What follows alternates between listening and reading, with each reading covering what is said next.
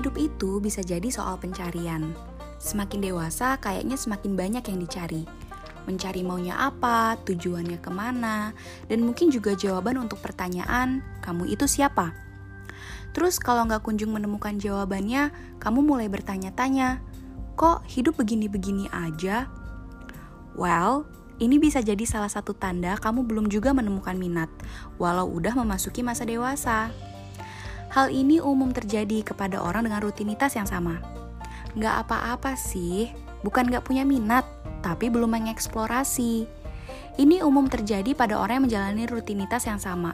Bangun pagi lalu kerja, hanging out sama teman. Selain itu alasannya, itu juga bisa karena ketika ingin melakukan atau memulai sesuatu, kalian maunya langsung ke hal yang besar.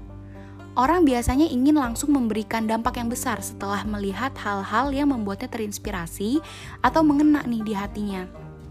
Tapi jangan lupakan peribahasa sedikit-sedikit menjadi bukit. Jangan lupa ya guys. Soalnya orang itu memulai sesuatu tidak langsung dengan hal yang besar.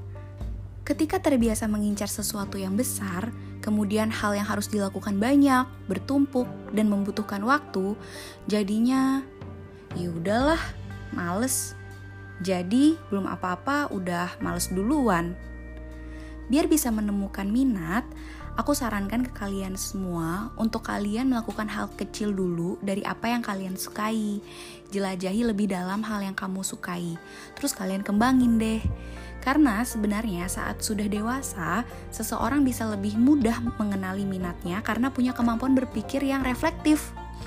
Nah, buat kalian nih, maksudnya orang dewasa, itu biasanya mampu memaknai apa yang bisa dilakukan, tahu apa yang disuka dan tidak suka, lalu menemukan jawabannya dengan mengevaluasi diri sendiri.